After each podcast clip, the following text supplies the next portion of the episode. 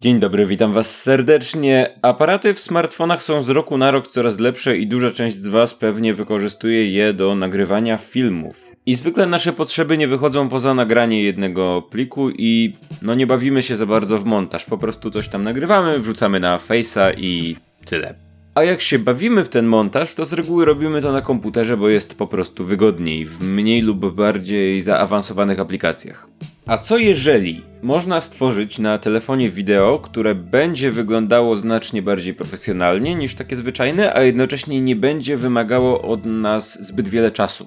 Zacznijmy od nazwy omawianej dziś aplikacji, bo twórcy programu Filmer chyba się nie zorientowali, że epoka Web 2.0 minęła jakiś czas temu, bo nazwę pisze się bez E, czyli Filmr.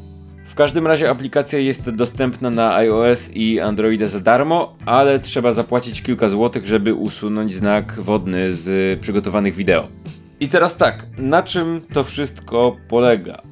Aplikacja pozwala nagrywać wideo ujęciami, to znaczy nagrywamy jakiś fragment, potem nagrywamy inny fragment, potem jeszcze inny itd. Tak itd. Tak na koniec możemy zmienić kolejność tych ujęć, przyciąć je, dodać jakąś muzykę ewentualnie i wyrenderować całość jako jeden plik. Filmer pozwala więc na dokonanie prostego montażu niejako przy okazji, w locie, w trakcie nagrywania. Na coś podobnego pozwalał serwis Vine, zanim go zamknęli, ale to nie koniec, bo aplikacja ma do zaoferowania trochę więcej możliwości. Możemy na przykład nagrywać filmy w przyspieszeniu albo spowolnieniu, przy tym to ostatnie chyba jest zależne od tego, czy nasz telefon jest w stanie nagrywać film w odpowiednio dużej liczbie klatek na sekundę. Możemy pobawić się funkcjami AR i na przykład dodać do filmu tańczącą na stole pandę, co jest oczywiście związane z tą taką zajawką na AR, bo teraz każda aplikacja musi mieć jakiś AR, nawet jeżeli to za bardzo nie ma sensu, no ale jeżeli was to kręci, no to da się.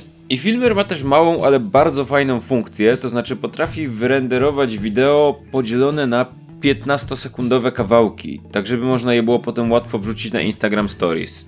Wszystko to jest bardzo proste, bardzo czytelne, a jednocześnie daje naprawdę fajne możliwości. Na koniec jeszcze jedna rzecz, bo znając życie ktoś o to zapyta. Na iOS była wcześniej dostępna aplikacja Spark, którą polecałem i która realizowała podobny pomysł. Ale Filmer daje zdecydowanie większe możliwości i przede wszystkim ma znacznie, znacznie bardziej wygodny interfejs, tak wiecie, o kilka poziomów. Więc polecam. Linki do aplikacji znajdziecie w opisie i do usłyszenia następnym razem.